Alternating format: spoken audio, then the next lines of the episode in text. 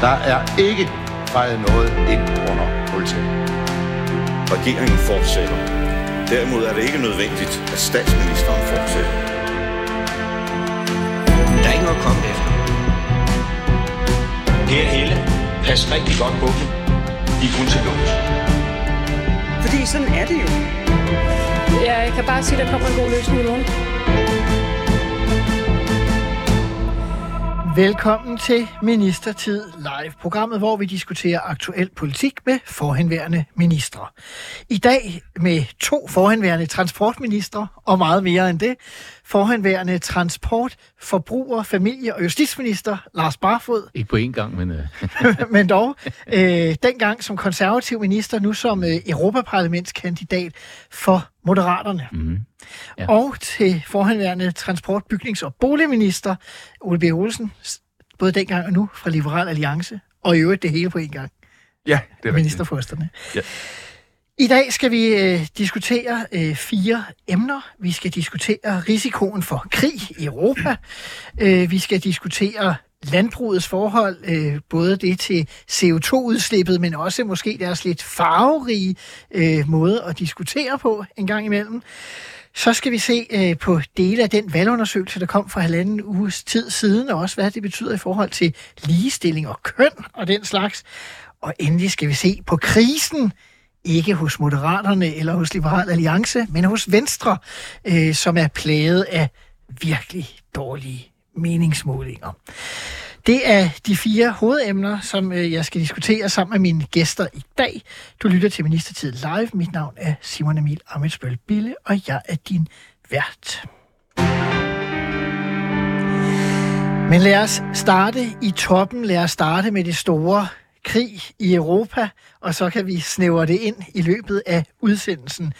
Øh, EU-kommissionsformand von der Leyen var ude i går og sige, at risikoen for krig i Europa er måske ikke overvældende, men den er der, og vi skal forberede os på den. Så er du klar til valg, Lars Barfod? Ja, det er jeg. Øh, og øh, hvis spørgsmålet så er, om jeg også er parat til krig, er det det, du spørger, spørger om, som det næste, så vil jeg sige, nej, det, det, altså det, det skal vi jo helst ikke være, øh, i den forstand, at vi skal jo helst ruste os så meget, at der ikke bliver krig. Det er jo det, der er mening med at opruste, det er, at øh, vi simpelthen skal være så stærke i Europa, at øh, der ikke er nogen, der kunne finde på at angribe os for alvor. Derfor skal vi opruste, fordi der er jo spændinger, alvorlige spændinger i Europa, og der er jo krig i Europa. Altså, Rusland har jo angrebet Ukraine. Der er krig i Ukraine. Så på den måde har vi krig i Europa. Øh, det skulle bare helst ikke øh, brede sig. Øh, men så ser vi jo så øh, den der mellemting, som er meget realistisk, øh, nemlig cyberkrig og forskellige former for chikanerier øh, imod øh, europæiske lande. Øh, og det er jo så den øh, slags krig, vi måske mere realistisk kommer til at se. Øh, man må jo sige, øh, nu er det jo Rusland, vi taler om. Ruslands økonomi er ikke stærkere end Italiens. Øh, vi taler om alle Europas lande. Øh, bare vi taler til det Nordens lande, så står vi jo fantastisk øh, stærkt økonomisk, og nu også militært efter at Sverige og Finland er kommet med i NATO. Så øh, det er svært at se, at Rusland kan gøre sig nogen som helst for, forhåbninger om, at de skulle kunne vinde en krig mod det samlede Europa og det samlede NATO. Det kan jeg ikke se for mig. Men vi skal stå stærkt, vi skal ruste op, vi skal også være i stand til at klare os selv i Europa i fremtiden, for uanset hvem der bliver præsident i uh, USA, så tror jeg bare, at vi må regne med, at vi skal kunne klare os selv på den lange bane. Forhåbentlig også sammen med USA, det er det, vi skal satse på, men vi skal jo også være mere selvhjulpende. Men du siger, at det er urealistisk at forestille sig en egentlig konventionel krig med NATO, fordi så vil de få så mange bøllebank, fordi mm. at, uh, vores militær dybest set er så meget uh, større end deres. Mm. Mm. Men når man ser på, hvordan fronterne rykker over i Ukraine, så rykker de jo den forkerte vej i, i den her periode, og man kunne måske godt forestille sig, at de går videre til andre øh, lande, som er uden for, for NATO-familien. Ja, men det er jo øh, klart en øh, risiko, at de, øh, at de gør det. Øh, og øh, det skal vi være meget opmærksomme på, men, men, øh, men, men det er, altså, den, den røde linje for at aktivere tropper i NATO, det er jo, hvis man angriber et, et NATO-land. Øh, men selvfølgelig er der risikoen for, at de øh, finder på at gå ind i andre lande end Ukraine. Men må ikke de har nok at gøre med Ukraine i øjeblikket, det tror jeg. Men, men hvor stopper det? Jeg tror også, vi har diskuteret det lidt øh, tidligere, Ole Birk Olesen. Altså, det er jo som, der er det her evige krav om flere penge øh, til forsvaret, og nu siger øh, von der Leyen også, at vi skal styrke forsvaret endnu mere. Mette Frederiksen har jo åbenbart givet et interview, øh, hvor hun siger, at det kan også koste på både velfærd og skattelettelser, øh, hvis man skal bruge rigeligt på forsvaret. Er I også parat til det, eller er du også parat til det? Vi er parate og har været i lang tid til, at, at Danmark skal leve op til den øh, NATO-målsætning eller NATO-krav om, at der skal betales et kontingent på 2% af BNP øh, til forsvar, for at man kan sige, at, øh, at, at man ikke kun modtager beskyttelse, men også betaler for at stille beskyttelse til rådighed for andre. Og så er det jo ikke kun et, et kvantitativt krav, det med 2%. Altså, ja, det er i sig selv et kvantitativt krav. Men det er jo ikke sådan, at hvis vi bare maler vores kaserner i Danmark, så har vi beskyttet Europa mod Putin. Det er jo også et...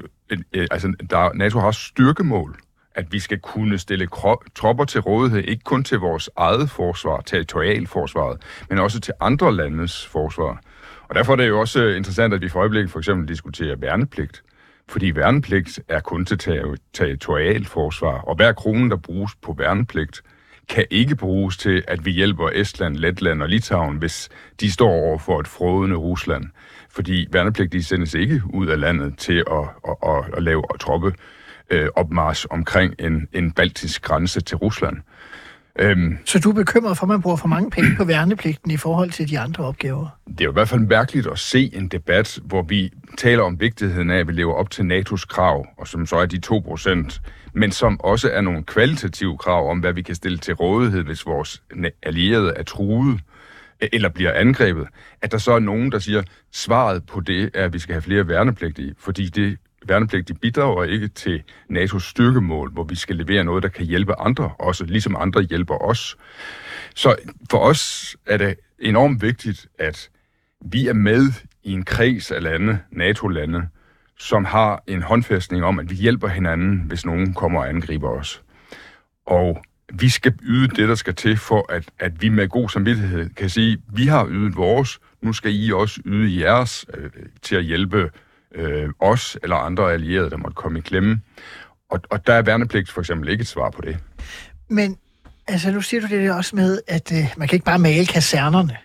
Altså, øh, hvis vi nu tager lytterne med ind i, i de lukkede rum øh, i regeringen og så videre, så vil jeg da godt afsløre så meget. Jeg har da siddet i en regering, hvor vi har øh, siddet og talt om, hvordan kan vi få ting ind under de der, den der øh, forsvarsudgift, øh, sådan så at vi kan få den presset lidt op, mm. øh, uden at vi nødvendigvis behøver at investere helt så meget i forsvaret, som det ser ud til. Altså, kan man ikke godt forstå, at det også kan være en fristelse øh, for den nuværende regering, når de skal sidde med det, at øh, fordi hvis de ellers skal skære i velfærden, eller ikke kan levere de skattelettelser, de har lagt op til, så er det vel klart, at man sidder og tænker, åh, hvis nu de kan have slottene, som jeg kan huske for et eksempel, med øh, pasning af slottene med i Norges regnskab, hvorfor kan de så ikke også være med i, Dan- i Danmarks? Jo, men altså, jeg synes jo, øh, så øh, verden har ændret sig, og det har forhåbentlig også øh, givet sig udslag i øh, de her lukkede rum, hvor forsvarsordfører og andre mødes, øh, fordi nu er der jo en reel trussel. Nu er der jo behov for, at vi rent faktisk opruster, hvor der var en periode, hvor vi, må tænke, vi måske tænkte, ah, øh, er det nu så vigtigt, og kommer USA ikke alligevel og redder os, og, og kan vi så ikke lige så godt skubbe nogle andre udgifter ind under forsvarsudgiftskontoen? Men sådan er det jo ikke nu. Og jeg synes i det hele taget, at øh, der, ja, det er forhåbentlig anderledes i det lukkede rum, men, øh, men, men øh, der er, øh, synes jeg, en mangel på mere kvalificeret debat om, hvad er det egentlig, vi har brug for, for at kunne forsvare os. At det er som om forsvars, den forsvarspolitiske debat i offentligheden, den går på, hvor mange procent af BNP kan vi nu bruge på forsvaret. Og i virkeligheden er det jo en underlig diskussion, fordi ja, for det første, BNP, det er jo en flygtig ting, det kan jo gå op og ned. Øh, vores behov for at forsvare os ændrer sig jo ikke med BNP. Øh, men, men det er nogle gange, Grækenland ligger altid højt, fordi den, deres økonomi er så dårlig. men det er nogle gange den målsætning, der er sat ind. Men, men, men det er da mere interessant at diskutere for eksempel, har vi antiluftskytsmissiler nok til at uh, forsvare Danmark, hvis vi skulle blive angrebet øh, hvis Rusland sender missiler ind over de baltiske lande, der er meningen skal øh, dykke ned i København eller et andet sted i Danmark, har vi så, kan vi så forsvare os? Øh, den kvalificerede diskussion, eller hvordan håndterer vi øh, hele det øh, kæmpe store den kæmpe store udfordring, vi har ved, at det er to af de mest øh, sprængfarlige øh, øh, farvande i verden, Østersøen og det arktiske hav, det er Danmark, øh, der i hvert fald blandt andet skal øh, stå for at bevogte det. Hvordan håndterer vi den kæmpe store opgave, det egentlig er, sammen med de andre nordiske lande? Altså sådan nogle diskussioner øh, burde vi have, og så kan vi se, hvad koster det så bagefter, når vi har defineret, hvad det egentlig er, vi har brug for at gøre. Men er det ikke, fordi det er utrolig svært at have de, øh, de egentlige diskussioner i offentligheden, hvor det er nemt at diskutere værnepligt, eller skal Jo, vi øh, på 2 procent, eller det sådan er noget? Det det kan være idiot, jeg undskyld udtrykket jo, øh, mig selv. Ja, men Øh. øh. altså, nogle gange må man jo også flytte de vanskelige debatter ud i den offentlige, det offentlige rum. Så jeg, jeg, jeg synes bare, det er interessant, at den forsvarspolitiske debat, den så meget går på nogle kvantitative ting, der har at gøre med en procentdel af BNP, i stedet for nogle mere kvalificerede diskussioner om, hvad er det, vi har brug for, materiel og så videre, for rent faktisk at kunne forsvare os. Jeg tror, jeg tror ikke, det er, det er svært at forstå på sådan et overordnet plan, at hvis vi siger, øh, jamen vi skal øh, tage vores øh, del af, øh, vi skal levere vores del af styrkerne, der skal til for at beskytte vores øh, del af verden øh, herunder Østersøen. Det, det gør vi ikke helt i dag, øh, så måske skulle vi opruste på øh, skibe, der kan sejle rundt og bevogte Østersøen. Altså så vi sammen med Finland og og, og Sverige og Tyskland og, og de baltiske lande og Polen, at vi ligesom øh, giver vores bidrag til, at det, det er løst. Hvis der er en udfordring der, øh, eller hvad der ellers måtte være udfordringer, det kan også være, det, det er luftvåben, øh, hvad ved jeg. Aha. Men det kan jo være meget svært. Altså, jeg, jeg synes altid, det er meget sådan tankevækkende, at øh, Jean Gade har været i mit øh, andet program, det er sådan ministertid, hvor man fortæller om sin øh, karriere, og der mm. fortalte han jo om, hvordan han fik et vink med en vognstang fra, jeg tror, det var NATO eller USA, om at øh, nu skal, skal jeg af med de der ubåde, fordi der er sådan set ikke nogen grund til, at I har dem. Mm. Øh, og derfor kunne man så under VK-regeringen øh, nedlægge de der øh, ubåde. Ja. Og i dag så er der flere, der taler, ej, det var da også utroligt dumt, men hvis NATO eller USA har sagt til Danmark, prøv at høre, den behøver I ikke at have. Altså, hvordan... Det er jo meget svært for folk at forstå, altså skal Ja, det det er være ubåd eller kampfly, eller hvad skal det være, ikke altså? Det er da bare en svær diskussion at tage i offentligheden, det var det, jeg prøvede at... Jo, jo, det er det da. Og øh, behovet svinger også, og så videre. Så må man jo gøre det sådan lidt mere synligt, hvordan det rent faktisk er, vi deles øh, med andre lande om det. Og det er da meget muligt, at der er andre lande, som har en veludbygget øh, ubådsflåde, og så skal de tage sig af den del, og så tager vi os af noget andet. At Det, det er jo selvfølgelig en, en rimelig øh, diskussion at have, om, om det er, er også effektivt og, og en måde at optimere det på. Så Altså, vi har jo haft- opgavedelingen er også en... Altså, en den sidste ubåd, vi havde i aktion, det var, tror jeg, da vi sendte en ubåd til ørkenkrigen øh, for mange år siden. Ja, som blev gjort lidt til grin, Ja. ja. altså, den ned til Velvøsten, og det var noget med, at den kunne ikke klare det varme vand, og hvordan det var. Ja, Ja. Øh, du nævnte en ting, øh, som jeg lige synes, vi også skal vende, øh, Lars Bauer, for det her med cyberkrigen, som jo Mhm. mm. måske er en mere realistisk øh, krig mm. mellem Rusland og NATO. Man ser det jo allerede. Vi har jo set angrebene på lufthavnen og net, hvad hedder, netkompagni og så videre her Mhm. de seneste dage. Men Europaparlamentsvalget, altså, der er vel også en risiko for, at russerne de prøver at- blande sig på en eller anden måde der, eller Ja. påvirke debatten. Jamen, det er der da. Altså, Er det noget, vi man kan forberede sig på? Altså, det, det, det, selvfølgelig kan man det. Øh, Jeg er ikke ekspert øh, ud i det, men selvfølgelig kan man da forberede sig på det. Altså, både teknologisk kan man vel forberede sig på det. Øh, der er jo masser af mennesker, som arbejder seriøst med, hvordan vi kan beskytte os bedre mod øh, hackerangreb af den ene og den anden art. Og øh, så kan vi jo også beskytte os mod det på den måde, at vi sådan er mentalt, øh, intellektuelt er klar over, at der rent faktisk kan foregå nogle ting på nettet, som er iværksat af øh, nogle røver i i Rusland eller andre steder, øh, for at skabe tvivl om, hvad der er op og ned, og hvad der er fakta og så videre. Så vi har sådan en, en kritisk tilgang til det, vi ser på nettet. Men tænker I over det i jeres politiske eje? Tænker du over det, Ole Birk? Ja, det synes jeg, og jeg synes, at alle bør tænke mere over det. Øh, Når vi for eksempel ser de debatter, der er på sociale medier, der er det meget tydeligt, at der er nogle profiler, som øh, bruger mange kræfter på at så mistillid til systemerne og institutionerne i Danmark. Øh, hvis man for eksempel som opposition kritiserer noget, regeringen gør, så, så kan så nogen finde på at sige, jamen hvorfor gør I ikke noget ved det? Jamen altså, det er fordi, vi ikke har et flertal, og sådan fungerer demokratiet. Men som om, at systemet på en eller anden måde er i stykker. Selv dem, der kritiserer tingene, gør ikke nok. De er med i konspirationen måske. Det er bare et eksempel på alle de mange profiler, der så mistillid til vores demokrati derude. Og nogle af dem er jo sikkert nogle rigtige kældemennesker, der sidder i Danmark. Men andre er muligvis nogle folk, der er betalte påvirkningsagenter fra Rusland, eller øh, ikke nogle rigtige mennesker, nogle robotter, der skriver nogle fraser, som de har lært, at de skal skrive. Så derfor skal man øh, som deltager i den offentlige debat på sociale medier, synes jeg, når der kommer sådan nogle ukonstruktive øh, buråb, og øh, alt er galt, og systemet er i stykker osv., overveje, om man ikke bare skal blokere øh, de personer, fordi det er så øh, usagligt, det der foregår, og det til synligheden kun har til formål at så en mistillid i det danske samfund til vores øh, systemer og vores demokrati. Men grund til, at jeg også bare synes, det var interessant i forhold til Europaparlamentsvalget, og det her, det er jo, at en ting, øh, hvor at Rusland jo faktisk kunne vinde et slag, det er jo ved at påvirke, hvem bliver valgt. Måske ikke så meget i Danmark, fordi vi ikke har så mange medlemmer, men i nogle af de store medlemslande, at få valgt nogle øh, mere sådan yderliggående øh, medlemmer, som har meget, øh, måske mere pro-russiske holdninger. Altså, øh, og der skal man jo være bekymret, men vi har jo ikke rigtig nogen pro-russiske partier her. Øh, men i Altså, Tyskland eller Frankrig, eller... Dengang Marie Krav var en del af Dansk Folkeparti, der kunne man jo godt sige, at der var et vist pro-russisk islet.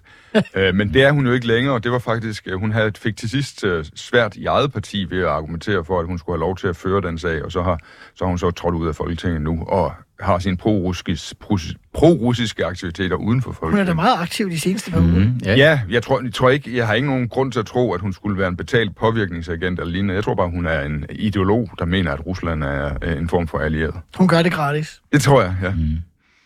Nå, konklusionen sagde Lars Barfod måske allerede i begyndelsen.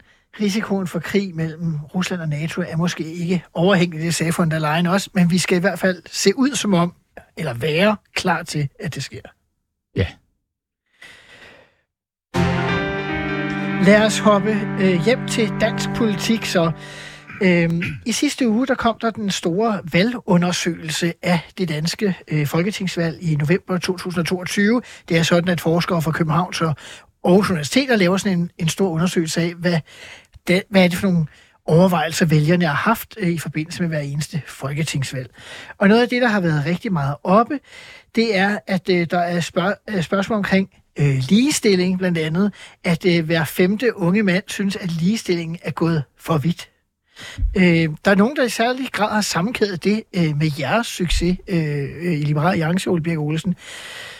Først og fremmest, er det overhovedet rimeligt at kæde de to spørgsmål sammen? Altså først til substansen, øh, så jeg tror ikke, at der rigtig er nogen, heller ikke mænd i Danmark, som er imod ligestilling, forstået som lige rettigheder, lige værd, lige adgang til arbejdsmarkedet, uddannelse og karriere osv. Det tror jeg faktisk ikke, der er øh, en betydende del af, af, af danske borgere og herunder mænd, der er i modstandere af. Vi har haft en debat i meget lang tid om, hvorvidt der skal iværksættes tiltag, som sørger for, at der i forskellige positioner er, hvad der nærmer sig en 50-50 procent fordeling af kvinder og mænd.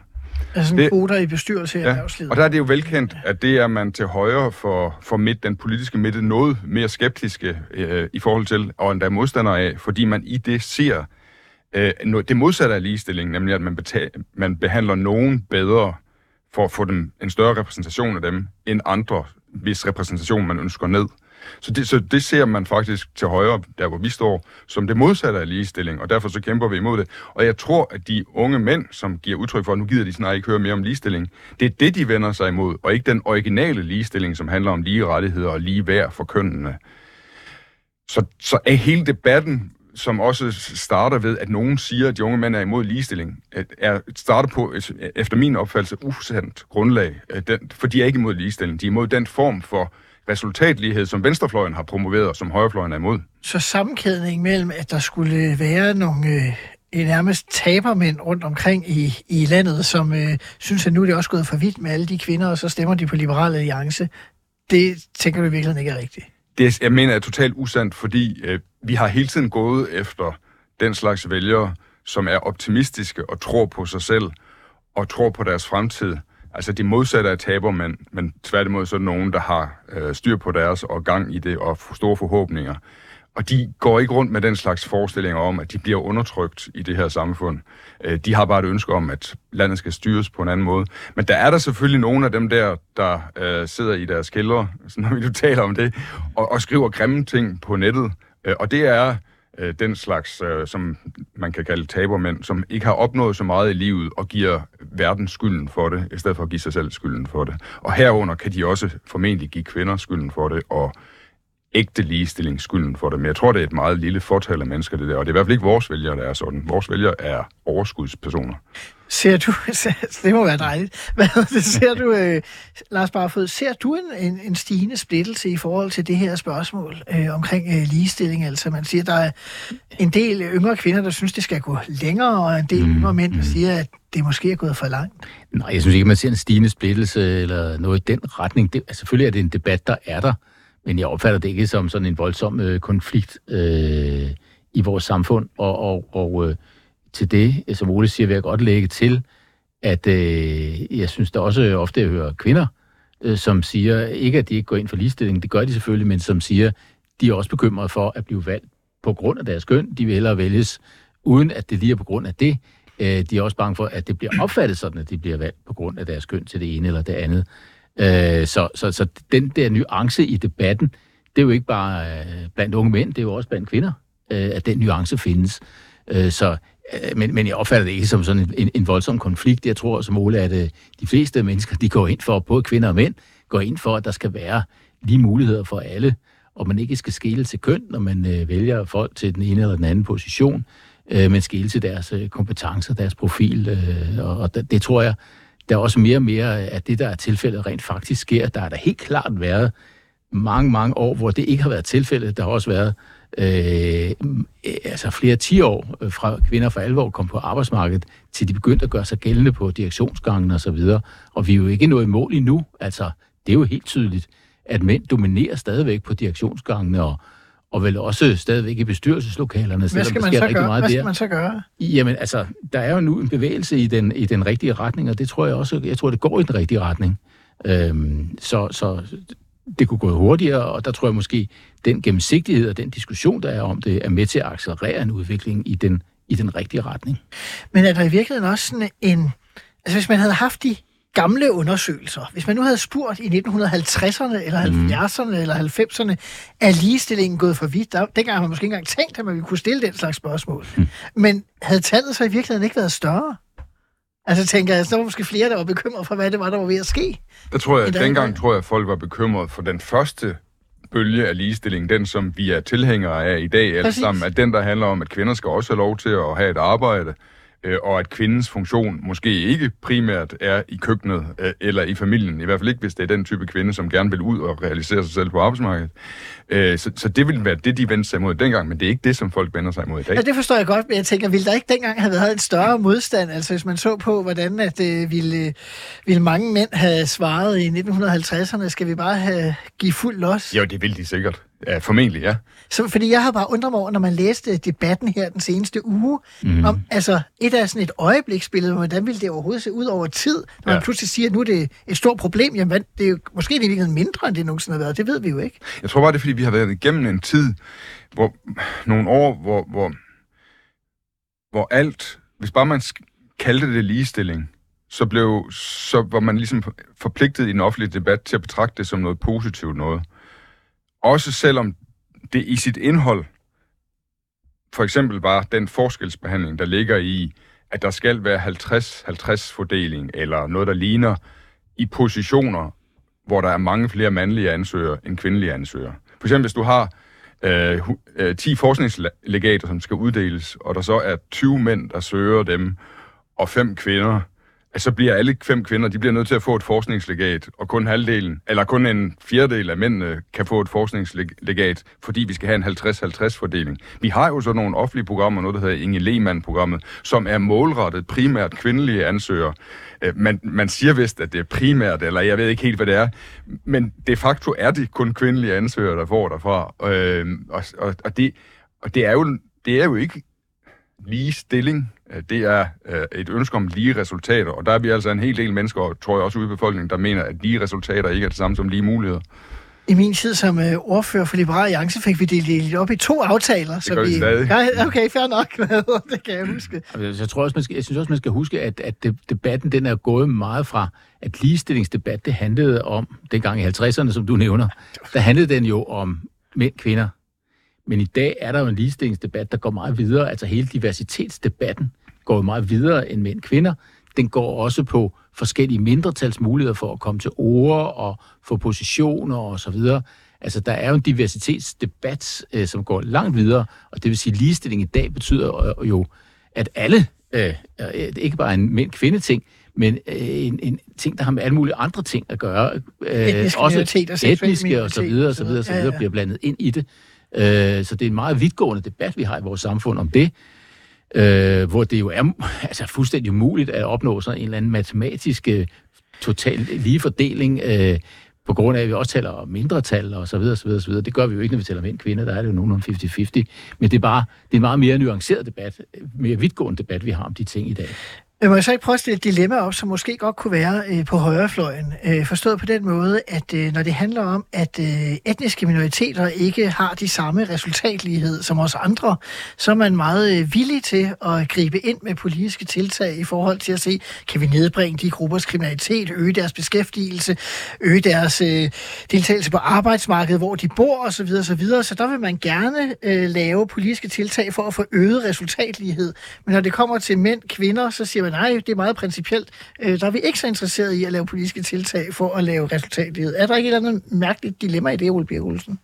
Jeg tror, der er en forskel på at ville bekæmpe noget, som man ser som et onde, øh, som udfolder sig i højere grad i nogle bestemte grupper på grund af nogle bestemte miljøer, opvækster og sociale vilkår der. Altså for eksempel kriminalitet, eller det, at man ikke kommer i arbejde eller lignende. Det, at man Men nogen gerne vil jo sige, at det var et onde, at kvinder ikke kom frem i bestyrelser eller lignende.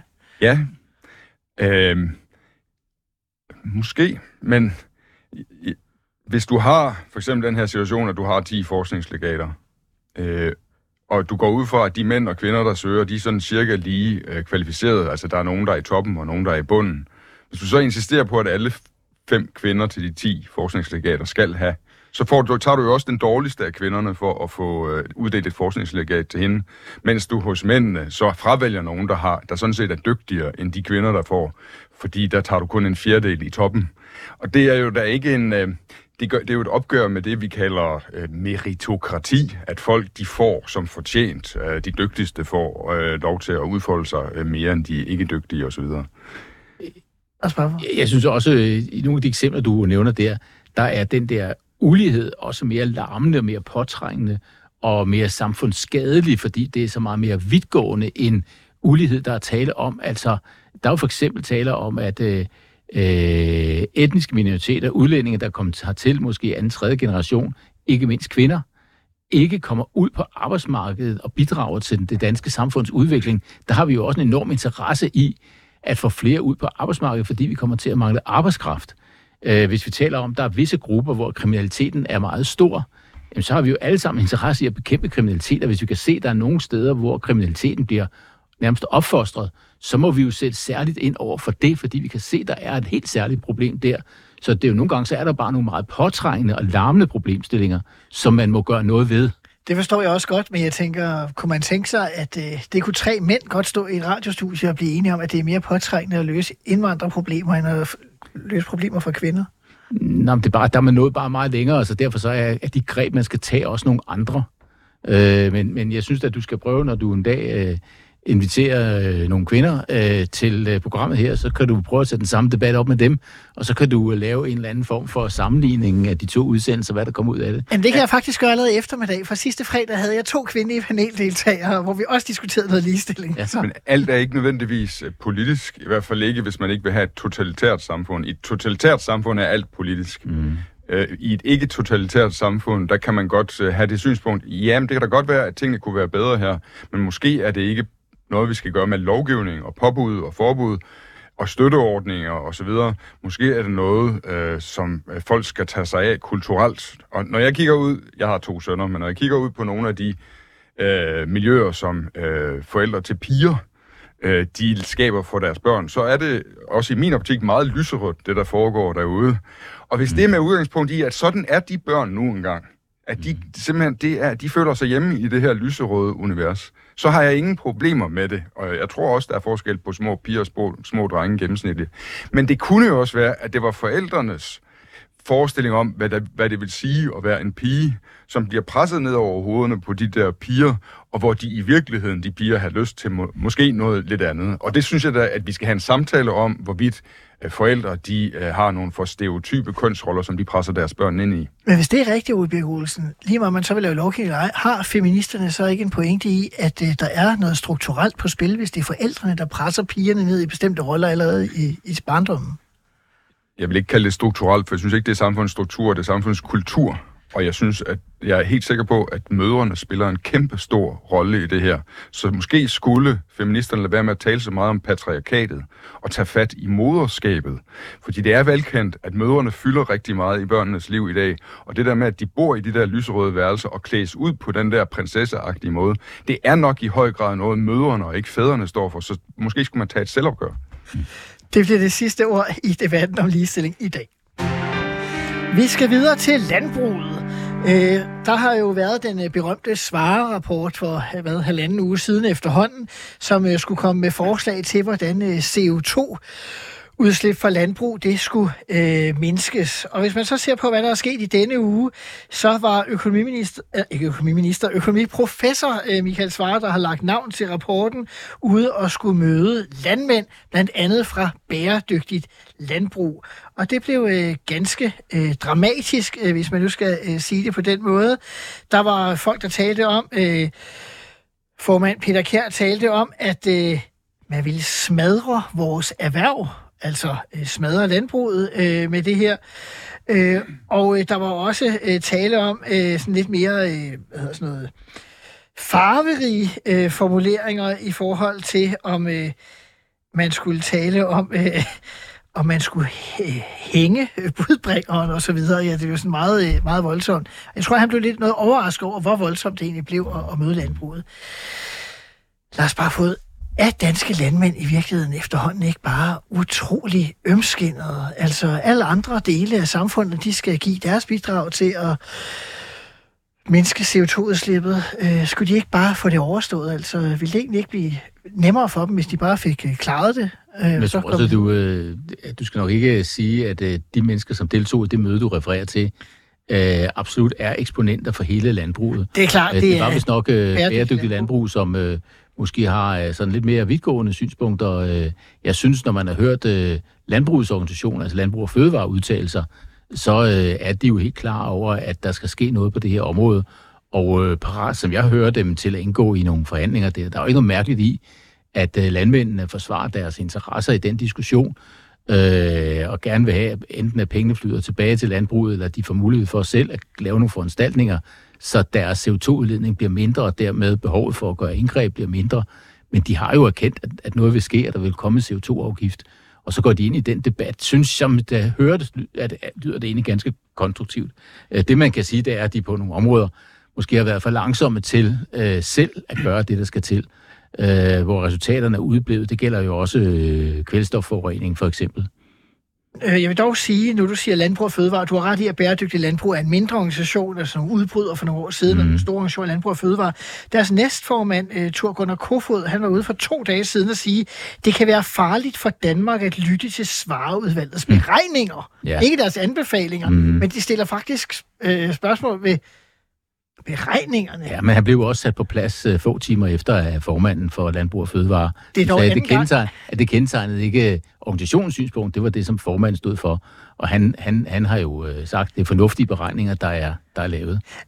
Øh, For nu skal være fair, er det ikke, fordi formanden han skal tale det sprog, som politikerne gerne vil høre, mens Thor Gunnar Kofod måske mere udtaler følelserne i landbruget. Ja, det, altså det, det så, så dybt ind under huden øh, på organisationen er jeg ikke, så jeg ved, om der er en eller anden rollefordeling der, men, men det er nu alligevel sjældent, at næstformanden går ud med sådan en melding, og så bliver sat så grundigt på plads af formanden øh, få timer efter. Jeg tror ikke, det er aftalt spil, øh, men derfor kan der godt ligge noget i det, du siger. Øh, det skal jeg ikke kunne sige, men, øh, men det er bare for at sige, at jeg tror, at de fleste landmænd har erkendt, at noget vil komme til at ske, Øh, og det, det eneste kloge, de kan gøre, det er jo at indgå konstruktivt i de forhandlinger, for de kommer ikke til at forhindre en afgift. Den kommer. Jeg vil dog sige, hvis vi lige skal runde Thor Gunnar Kofod, at det er ikke mere end to-tre uger siden, at han var ude og kalde en professor sindsforvirret, der havde okay. Omkring, øh, hvordan øh, kvælstofudledning var for landbruget. Så det, er, så det er vel sket to gange i hvert fald på en Ja, måned. men det er så den samme øh, landmand, som har udtalt sig to gange. Og som er næstformand for landbruget. Som er næstformand, ja. ja. Dog. Nå, jeg prøver at stille den videre til dig, Ole Birk Olesen. Øh, er det ikke for ømskindet af landbruget? Vil det ikke være klogest af landbruget i virkeligheden at sige, nu skynder vi os, finder ud af, hvordan skal de fremtidige forhold være for dansk landbrug? Det vil sådan set også være bedre for økonomien i dansk landbrug, at det er kendt, i stedet for, at der skal være så meget palaver om det. Nej, det, det tør jeg ikke gøre mig klog på, men jeg, men jeg vil gerne sige, at, at der det begynder at, blive, at få en, hvor, hvor landmænd begynder at få en militant sprogbrug, som vi normalt kender fra den yderste venstrefløj, så står jeg altså fuldstændig af. Jeg, jeg, kan, jeg har, jeg får røde knopper af, og jeg, det tænder den indre kriger i mig, når der er grupper i det her samfund, øh, som hævder, at deres følelser er så vigtige, og deres interesser er så vigtige, at de har ret til at gå en udenomsparlamentarisk vej og, og lave en, nogle optøjer ude i gaderne. Der har også været fra, fra landbruget øh, slet skjulte antydninger af, at de kunne finde på at lave ikke almindelige demonstrationer, men, men deciderede blokader, som jo er ulovlige. Ligesom klimaaktivisterne gør, når de er utilfredse med den klimapolitik, der bliver ført, at de vil sådan stille deres traktorer op på indfaldsveje til København og sørge for, at folk ikke kunne komme til at få arbejde osv. Ulovligt. Altså ikke demonstrationer, som er lovlige, men lo- ulovlige blokader. Jeg det, det må de lade være med det der, øh, og øh, altså fordi øh, de mister øh, sådan en som mig, der øh, gerne vil lytte til dem, når de taler et almindeligt sprog og deltager i en demokratisk debat. Hvis de begynder på det der, så mister de mig, så går jeg i, øh, i, i modstand mod dem. Du har jo tidligere været ude og tale om drakoniske straffe til øh, klimaaktivister. Øh, Præcis. kan jeg gå ud fra, at du mener, at der skal være præcis de samme straffe, hvis det er landbrugsfolket? Fuldstændig. Øh, og vi har også aftalt i vores gruppe, at hvis de begynder på sådan noget, så gentager vi vores forslag om, at øh, Øh, hvis man spærer meget vigtige øh, kritiske øh, færdselsårer, så, så, så skal man opgøre, hvor stor skade gør det der på samfundet. Og så kan man for eksempel forestille sig bøder i, i millionstørrelse, fordi at man opgør skaden på samfundet ved at spære i myldretiden den slags veje til millionstørrelse skader. Så det, det kommer vi til at gentage, hvis det er landbruget, der gør det. Vi gør ikke forskel på klimaaktivister og landbrugsaktivister, øh, hvis de gør den slags ting.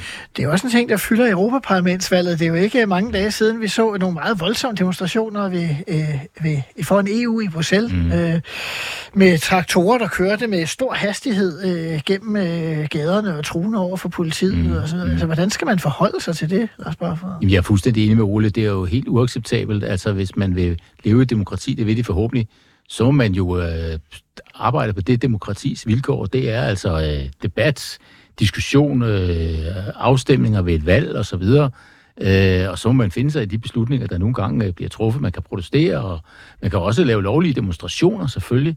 Alt det, men øh, den form for udenomsparlamentariske metoder, det er jeg fuldstændig enig i. Det er uhørt, og det bør ikke finde sted. Og det skal der bare sættes hårdt ind overfor, øh, hvis man gør det. Lige en lille sjov ting. Øh, der tales meget om Agerskov-gruppen, og den kaldes Agerskov-gruppen, fordi at de mødes i Agerskov, som ligger centralt i Sønderjylland. Det er ikke fordi, de her landmænd de kommer fra Agerskov. Den ægte Agerskov-gruppe, det er jo uh, Tommy Ahlers, uh, bunderøven Frank Eriksen og mig, fordi vi faktisk kommer fra Agerskov. og jeg tror ikke, hvis man spørger os tre, uh, den ægte Agerskov-gruppe, at vi så vil bakke op om den slags ude på gaderne. Måske kan vi lave en glidende overgang over til dagens sidste emne, nemlig krisen i Venstre. Fordi Venstre er jo om noget landbrugets parti i Danmark, selvom blandet blandt andet Liberal Alliance også øh, ved nogle valg har haft øh, del i, i landbrugsstemmerne. Øhm, der er jo flere, der er ude i Venstres bagland øh, også at sige, at øh, nu skal de passe på, at øh, de ikke går for langt. Øh. Altså, er landbruget i virkeligheden en, en møllesten om Venstre i dagens øh, politiske situation, fordi de kan ikke øh, blive fri til at sige det rigtige.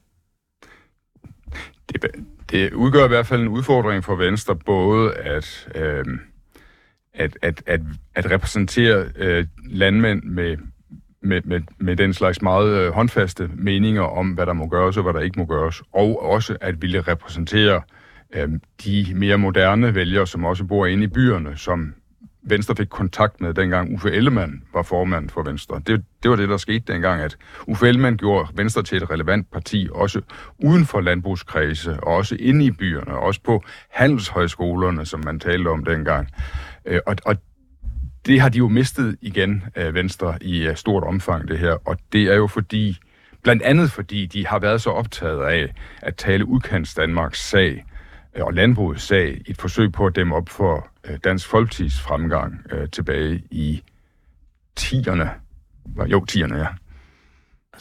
Ja, altså, man, man kan måske også sige det sådan, øh, for at perspektivere det endnu mere, at, at de står i det dilemma, som mange partier, for ikke at sige stort set alle partier, står i på et eller andet tidspunkt, at øh, de skal vælge, skal vi tage hensyn til vores eget bagland, eller skal vi tage hensyn til de, som måske kunne tænke sig at stemme på os? Øh, jeg kan selv huske det, da jeg var partiformand, øh, at der var ting, øh, lad os bare tage sådan noget som øh, skattelettelser, som jeg personligt der bestemt gik ind for, og som det konservative Folkepartis bagland, som jeg repræsenterede dengang, også gik ind for, og det var sådan meget vigtigt. Men når vi lavede undersøgelser af, hvad vores potentielle vælgere var interesseret i, så var det egentlig ikke skattelettelser. Så var det alle mulige andre ting, hvor, hvor jeg blandt andet var meget optaget af, det fik jeg så ikke mulighed for at, for at fuldføre, men var meget optaget af, at vi skulle tale meget om sunde fødevarer, miljø og klima, fordi øh, det mente jeg var i, i partiets ånd at gøre, men samtidig kunne jeg også se, at der var masser af unge borgerlige derude, som var optaget af de sager. Øh, altså, øh, der var så noget dilemma der, og det tror jeg, alle partier er ude for. Baglandet har nogle sådan øh, øh, holdninger, som er meget fasttømrede, som man går meget op i, men det er måske ikke de holdninger, som lokker øh, flere vælgere til. Men... Og først og fremmest skal man jo finde ud af, hvem man selv er. Ja. Altså, man skal sætte sig Ja, ja. ned og lave en overvejelse om, hvad går vi faktisk ind for? Hvad mm. tror vi faktisk Ja. på? Og af de ting, den brede palet af ting, vi tror på og går ind for, hvad er der så genklang for ude i en bredere befolkningsskar? Så er det selvfølgelig det, man skal tale mere om, end alt det andet. Ja, ja. Men, men det skal stadigvæk være det, man, man skal tro på det. Og i stedet for at gå sådan mere øh, øh, teknokratisk til værks og sige, hvor er vælgerne, og kan vi placere os der, så finde ud af, øh, hvad man selv jeg er mener. enig. Og så er der en tredje dimension i det, fordi selvfølgelig for det første, hvad går vi ind for? Man skal jo ikke sige, at man ikke går ind for. Man skal ikke opfinde synspunkter, bare for at plise nogen. Men inden for hele den palette, ja. Hvad vil vender genklang? Hvad er mange enige med os i? Så skal vi selvfølgelig vise, at vi mener det. Men der er en tredje dimension, det er, hvad, hvad tænder virkelig folk af? Altså, hvad er folk meget optaget af? Eller hvad er de især meget indineret over ikke sker? Og der er vi så ude i, de er både enige, men de er også virkelig indigneret over, at det ikke sker. Og der kan du virkelig altså, ramme nogle vælgere, øh, som så kunne finde på at stemme på dig, hvis man tager den tredje dimension med også i sådan en analyse. Men Lars Barfod, jeg synes, det er meget interessant, du taler om det der med baglandet før, ikke? Jo. Øh, du har jo meldt dig ind i et parti, hvor ja. at øh, partistifter og formand Lars Løkke Rasmussen jo nærmest tog afsked med sit gamle parti Venstre, mm. Som er det parti, vi taler om nu, ja. Ved jo dybest set at sige, at øh, det har været en møllesten for Venstre at skulle følge det der bagland, øh, så har man ikke kunne gøre det rigtige. Mm. Det holdt han meget øh, berømt øh, tale på, da han øh, holdt op som, øh, som partiformand. Altså det der med, at der var ikke længere så stort et medlemsbagland, så man mm. egentlig fik en genklang med sine vælgere. Mm. Altså, er der i virkeligheden brug for en fornyelse på en eller anden måde? I kan jo stå her for to forholdsvis øh, nye partier, tillader mig at kalde Liberal Alliance også et forholdsvis nyt parti, hvor man i større grad kan formulere en politik, uden at skulle tage stilling til, at der sidder nogen, der har siddet 50 år i en vælgerforening og ment det samme altid. Altså, er det simpelthen for svært for de gamle partier at følge med? Ja, ja, ja, men jeg tror ikke kun, det er på grund af det, det du siger, det, det er bestemt også en del af det, men jeg tror lige så meget, det er fordi, at øh, de gamle partier er funderet på også nogle ideologier, der blev formuleret i begyndelsen af det 18. århundrede, hvor udfordringerne for samfundet var nogle andre, øh, interesseforskellen i samfundet var nogle andre, opdelingen af samfundet var helt anderledes. I dag står vi over for nye øh, udfordringer. Vi lever hverken i et landbrugssamfund eller industrisamfund. Vi lever i teknologi, teknologi eller informationssamfund, øh, hvor der ikke er de samme klasseforskelle, hvor udfordringerne, det er klima. Nu er det også øh, konflikt øh, med Rusland. Øh, det er regulering, lovgivning i forhold til teknologien. Det er alle mulige andre ting. Og svarene på det ligger jo ikke automatisk i de gamle ideologier, eller automatisk i de partier, der er opstået som, som følge af de gamle ideologier. Og derfor så tror jeg, at brydningerne går meget mere på tværs, og meningsdannelsen går meget mere på tværs af de gamle ideologier og de gamle partier. Og derfor er det naturligt, at, man bryder, at partierne bliver brudt op, og vælgerne bevæger sig i nogle andre mønstre, end de gjorde før. Det er jo det er da i høj grad grund til, at jeg er der partipolitisk, hvor jeg er i dag. Ja, jeg tror, der er nogle partier, der, der, der har været dannet deres holdninger på baggrund af nogle øh, interessefællesskaber med nogle bestemte vælgere i nogle bestemte positioner. Og det vil jeg sige er en tilsnigelse at kalde det en ideologi. Det er sådan set bare, at man varetager private interesser for nogle bestemte grupper. Og Der er nogen, der vil sige, at det er en konspiration. Ja, præcis. Og, det, og de ting er under opblødning, fordi de grupper er der ikke længere, og det er nu nogle andre grupper, der styrer øh, ting, og det, købmændene findes ikke længere, og nu er der pludselig øh, internetbutikker osv. Og så er der jo nogle andre partier, der har udgangspunkt i nogle principper, øh, og, og jeg synes ikke, og, øh, og jeg synes, at vores øh, fremgang øh, og vores, øh, altså vores status i LA øh, viser, at man kan godt være et parti, der tager udgangspunkt i de samme liberale principper, som liberale altid har taget udgangspunkt i, men selvfølgelig at applicere dem til nutidens udfordringer, men stadigvæk med det princip for øje, at frihed er det vigtigste, og det er det, vi arbejder efter, og at man kan have en god, et godt samfund, baseret på frihed og privat ejendomsret og fri markedsøkonomi, Øh, hvor folk har råderet over deres indkomst osv. Men, men tror du egentlig, at, øh, at vælgerne tænker så meget over det? Du tror ikke mere, at det er sådan, uh, nogle generelle synspunkter eller fremtræden osv.? En af de ting, den undersøgelse, vi talte om tidligere, viser omkring Folketingsvalget 22, det er jo, at de politiske ledere betyder langt mere ved det her valg, end de har gjort nogensinde før. Og at folk stemmer i langt større grad personligt på partilederne, eller vælger partiet på grund af partilederne, de gjorde bare for et, to eller fire valg siden. Jamen, det tror jeg, er, at der er noget om det der. Øh, jeg tror, det skal udforskes yderligere for at finde ud af præcis, hvad det er. Men lederne repræsenterer jo også et holdningsgrundlag. Og det, at, det, at en, en leder kan gøre et holdningsgrundlag mere populært, end en anden leder kan, det fjerner ikke betydningen af, at der også er et holdningsgrundlag, som folk kan spejle sig i. Jeg tror da, at øh, for eksempel LA's øh, aktuelt øh, store tilslutning i befolkningen øh, det, øh, i høj grad også skyldes Alex Vanderslag. Men jeg tror da også, det skyldes, at de unge er mere blå og liberale i dag, end de var for 10 år siden. Øh, er ikke for 10 år siden, men i hvert fald for 20 år siden og, og for 5 år siden. Vi skal lige prøve at holde fast i, at det egentlig er krisen i Venstre, vi taler om. Ja. Og det tager udgangspunkt i, at Megafon har lavet en undersøgelse for TV2 og politikken, bare lige så vi ved, hvad vi taler om, der i den her uge sagde, at partiet ville få 7,4 procent af vælgerne, hvis der var valg i morgen. Bare sådan, så folk forstår det i et historisk perspektiv. Venstre har siddet i Folketinget siden 1870. Det her er 3 procentpoint dårligere end det dårligste valg, partiet har haft øh, siden 1870. Mm. Altså, det er jo en krise, så afgrundsdyb. Altså, er der over... Altså, I har jo begge to været med i partier, som også har været øh, langt øh, nede. Altså, konservativt bundet vel på 3,1 eller andet, Liberal Alliance på 2,4. Øh, I hvert fald, hvis I tager reelle valg, hvis I tager meningsmålinger endnu lavere på et andet tidspunkt. Altså, er der overhovedet nogen bund i sådan et parti som Venstre i vore dage? Tror I det? Det er svært at sige. Altså, det, det, det tror jeg, da, der er. Der vil jo være nogen, som er... Altså, fordi det er så vel etableret et par- organisatorisk, så vel etableret parti, øh, også historisk, så tror jeg, at der er nogen, som, som altid vil stemme på Venstre, ligesom der er nogen, der altid vil stemme på nogle af de andre gamle partier. Så jeg tror da nok, der er en bund et sted, men hvor den bund går, det skal jeg ikke kunne sige. Altså, der er, der er ikke nogen bund, hvis man forestiller sig det værst tænkelige scenarie. Altså, hvis nu for eksempel formanden for Venstre begår en alvorlig forbrydelse, men, men Venstre beholder den formand, øh, så kunne man forestille sig, selv de mest trofaste venstrefolk, de vil... Så derfor kan man i teorien godt forestille sig, at, der, at de kan gøre ting i et parti, som selv får, får gamle partier til at, at, at, at miste ævret og dø under spærregrænsen.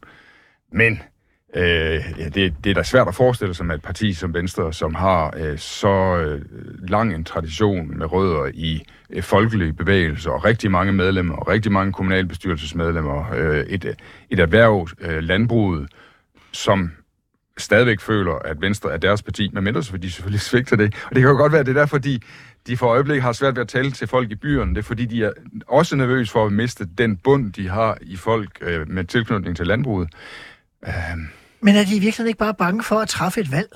Altså forstået på den måde, at øh, de mister jo så byvælgerne til Liberal Alliance måske, og så mister de øh, landbovælgerne til Støjberg og Danmarksdemokraterne, som strategisk klogt, måske ikke politisk klogt, men strategisk klogt, står og siger, huha, de behøver ikke engang invitere os med til forhandlingerne, fordi det interesserer os slet ikke. Jamen, jeg tror, at Venstres udfordring er, at de i for lang tid har tænkt øh, på dagen og vejen.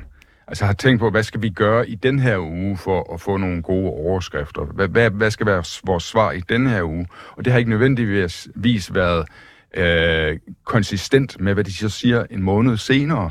At, at der er, det er svært for folk at se, hvad er Venstre for et parti i dag? Hvis der havde været en, en større stabilitet over tid, og man havde tænkt over, hvordan vil vi gerne være som parti i 2030, og så havde forfulgt den strategi, så tror jeg, at øh, det ville være nemmere for Venstre at stå imod de udfordringer, som de ganske rigtigt har i forhold til Danmarksdemokraterne og Liberale Alliance og også Moderaterne. Altså, øh, nu, nu, nu skal jeg ikke gøre mig klog på Venstres og Venstres formands vegne overhovedet, men, men, men, øh, men, men bare sige, at jeg tror, i den situation er man ofte der, at man, man har svært ved at skære igennem, fordi skærer man igennem og går i den ene retning, så mister man nogen. Går man i den anden retning, mister man nogle andre. Tør man så det, når man er så langt nede i meningsmålingerne? Altså, jeg stod selv i den situation, dengang jeg var leder af det konservative Folkeparti, at øh, tilbage i Folketingsvalget 11, øh, hvor jeg gerne ville placere partiet sådan, at vi var mere uafhængige af Dansk Folkeparti, som jeg synes, vi har været afhængige af i mange år. Og derfor ville jeg gerne placere det konservative Folkeparti mere mod midten, og lavede øh, et interview med Margrethe Vestager, som nogen vil huske, Meget hvor berømt. vi talte om, at øh, uanset hvilken regering, vi talte ikke om, vi skulle regering sammen, men uanset om det var den ene eller den anden regering, rød eller blå, så skulle der samarbejdes over midten. Og det var for, hun ville også gerne være uafhængig af venstrefløjen, jeg vil gerne være uafhængig af højrefløjen, altså Dansk Folkeparti. Øhm, og, og det var jo ikke alle i konservativ, som synes lige godt om det. Og, og, og hvis jeg skal se tilbage, så fortryder jeg egentlig, at jeg ikke dengang trådte mere på den speed og sagde, jamen, så må nogen jo falde af bussen, og så kører vi den vej. Og så ved folk, hvor vi står, og så kommer dem, som vil være der nok. Altså, jeg prøvede sådan set at placere konservativ der, hvor moderaterne er i dag, sådan set. Øh, øh, øh og, og, så jeg kan, kan i hvert fald godt se, at det kan være et dilemma, man står i, fordi der var konservativ også presset, og, og, og der var jeg bange for at splitte partiet for meget. Det skulle jeg måske ikke have været. Man skal i hvert fald gøre det på det rigtige tidspunkt. Jeg har haft øh, tidligere leder af Kristelig Folkeparti, Jens Sjursen, i studiet, han fortalte, mm. at deres strategi op til valget i 94 var, at de skulle skifte deres vælgere ud. Og man kan sige, at de var, det lykkedes ret godt at få de gamle til at skride, men at få de nye til at komme, det lykkedes ikke nær så godt, så de røg ud af Folketinget. Så man skal jo være ret sikker på, at, øh, at, at hvis man vil skifte basen ud, at, øh, at der også kommer nogen i stedet Det at være at skifte basen ud, men det kan være, at jeg siger, at vi går i den retning, og så må noget af basen følge med, og hvis de andre ikke vil, så må de lade være. Jeg ved godt, at det er svært at få jer til at blive meget konkret omkring det med Venstre, og det forstår jeg på mange måder også. Men jeg kan ikke lade være med at tænke på, at de bliver jo ved med at skrælle nogen fra til begge sider, fordi de ikke fortæller, vil de øh, melde sig ind i klimadiskussionen, eller vil de blive som Landbrugspartiet? Det kan jo også være, at de bare forsøger at balancere bedst muligt på den diskussion, og så håber på, at der er nogle andre diskussioner og nogle andre problemstillinger, hvor de kan træde mere klart igennem. Og, og at de der, altså, det kan jo godt være, at det er en, en rigtig analyse, øh, men altså, vi kender jo ikke, øh, jeg kender jo ikke alle Venstres vælgere og bagland og, og dilemmaer og så videre. Analysen kan også være, at, at øh, nogle af landbrugets repræsentanter har været ude og sige så tossede ting, så at, øh, nu tænker de fleste mennesker, nå ja, så nu må vi hellere få den der klimaafgift på plads, og så komme videre i livet. Ja. Det er måske meget godt for Venstre i virkeligheden, at landbruget har virket lidt, sådan, lidt for rabiat. Så behøver de ikke at følge dem. Ja, jeg tror bare, problemstillingen i Venstre er, at siden Fogs øh, tid, der har man, altså Uffe opbygget den her store kapital af vælgere, som både var på land og by, og tænkte liberalt og så videre. Og siden få tid har man bare tæret på sin kapital. Man har ikke opbygget ny kapital. Man har ikke, man har ikke fået nye vælgergrupper til. Man har bare brugt og brugt og brugt og jaget lidt flere væk og lidt flere væk og lidt flere væk. Altså, øh, og det, øh, det har været for kortsigtet det hele, tror jeg. Der kan være lang tid til næste valg, og som øh, vælgerne flytter sig i de her måneder og år, så kan der jo være sket meget. Så kan det være, at vi skal diskutere og evaluere, hvordan Troels Lund Poulsen i virkeligheden vendte tilbagegangen og fik fremgang for Det parti. Ja. Det ved vi faktisk ikke. Lars Barfod og Ole Birk Olesen, I skal have tak, fordi I gjorde mig og lytterne klogere på dansk politik øh, i dag. Og til lytterne skal jeg sige, at jeg er tilbage med en omgang ministertid special på søndag, hvor det er den sidste rustbanker, Bjarne Lausten, der er i studiet, og blandt andet fortæller om, hvad han egentlig mener om Socialdemokratiet under Helle Thorning og Mette Frederiksen har levet op til forventningerne som partiformand, set fra hans synspunkt. Og så går han også lidt længere i nogle af detaljerne og afsløringerne, end han gjorde i den bog, han udgav for nogle måneder siden og fortæller øh, om, hvem der var udset til hvilke poster, og om det har været prisen værd at lade øh, være, være så åbenmundet, sådan så han ikke endte med at blive minister. Tak for i dag, og på genhør.